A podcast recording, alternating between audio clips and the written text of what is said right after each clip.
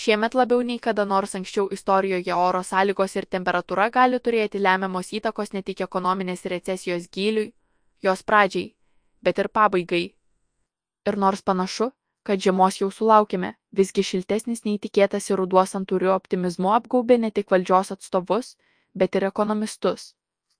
Rusijai beveik visiškai nutraukus dujų tiekimą Europai dar šių metų vasarą, valstybės desperatiškai bandė užpildyti dujų saugyklas artėjant žiemai o energijos vartojimo ribojimai kai kurioms šalims atrodė kaip neišvengiama realybė.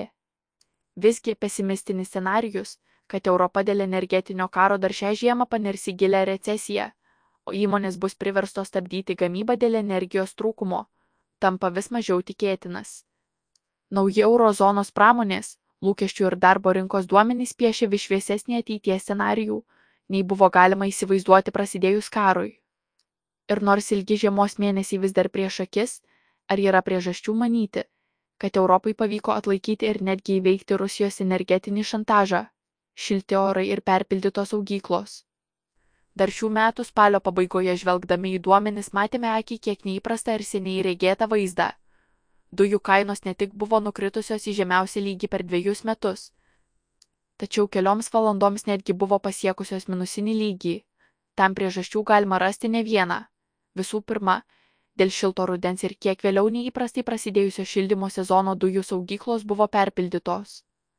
Tuo metu naujai atvykstančių dujų tiesiog nebuvo kur laikyti ir suskystintas gamtinės dujas gabenantys tanklaiviai buvo priversti reikiuotis eilėje jūroje. Net ir prasidėjus šildymo sezonui, ES dujų saugyklos vis dar yra beveik pilnai užpildytos.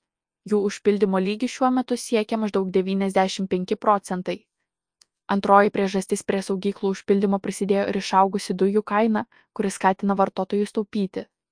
Pavyzdžiui, gyventojai dažniau rinkosi sumažinti būsto šildymo temperatūrą, o įmonės bei valstybės institucijos dėgė energetinio efektyvumo sprendimus, mažino gatvių apšvietimą ir temperatūros lygį baseinuose. Galiausiai, rankų sudėję nesėdi ir politikai bei sprendimų prieėmėjai, aptariami ir diskutuojami techniniai sprendimai, kuriuos priima Europos komisija šalių energetikos ministrai. Yra teikiamos rekomendacijos, ieškoma sutarimų dėl to, kaip skaičiuoti kainas biržoje, pristatomi įvairūs kainų stabilizavimo instrumentai, ore tvyranti įtampa. Į Europą atėję žiemiški orai ir besilaikanti neigiama temperatūra ne tik Lietuvoje, bet ir kitose e šalyse priminė, kad šiais metais orai gali būti ne tik geriausias draugas, bet ir priešas tad pastarosiomis dienomis stebime, kaip dujų kaina ir vėl patraukia aukštyn. Nepaisant to, kad dujų kaina nuo rūpjūčio mėnesį buvusių aukštumų sumažėjo beveik tris kartus, šiuo metu jis siekia daugiau nei 120 eurų MWH.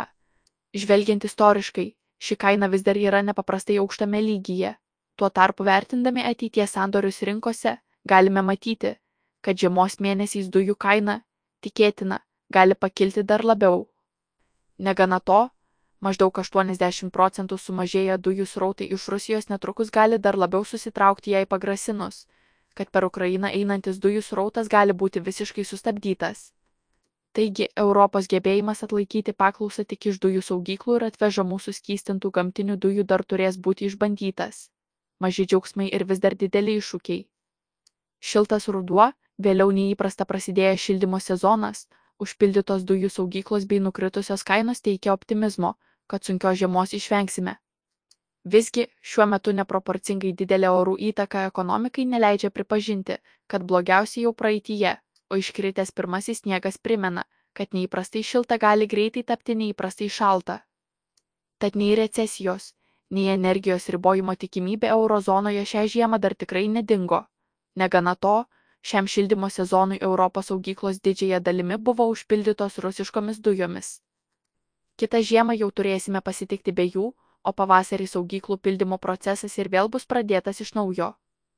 Tad nors galbūt ir laimėsime šios žiemos energetinį mūšį, prireiks dar keliarių metų, kol artėjančią žiemą galėsime pasitikti nepalyginamai ramiau. Ateitis yra šviesi. Išskirtinė geopolitinė situacija ir Rusijos pradėtas karas ES pašonėje kardinaliai pakeitė politinius bei ekonominius e šalių santykius su šia šalimi. Vokietija, anksčiau importuodavusi maždaug 40 procentų visų suvartojamų dujų iš Rusijos, Šiuo metu sparčiai stato ne tik suskystintų gamtinių dujų terminalus, bet vysto ir atsinaujinančios energetikos išteklių projektus. Be to, yra sparčiai ieškoma naujų dujų tiekėjų ir jie randami. Tad Europos šalis į gyvybiškai svarbę energetikos infrastruktūrą investuoja daug greičiau, nei buvo galima tikėtis. Remiantis Bruegel instituto prognozėmis, Europa 2024-2025 metais jau turės ir dujų perteklių. Įdėkti energetinį efektyvumą didinantys sprendimai ilgesnėje perspektyvoje leis mažinti paklausą, o sparčiai statoma infrastruktūra padės apsirūpinti energijos ištekliais.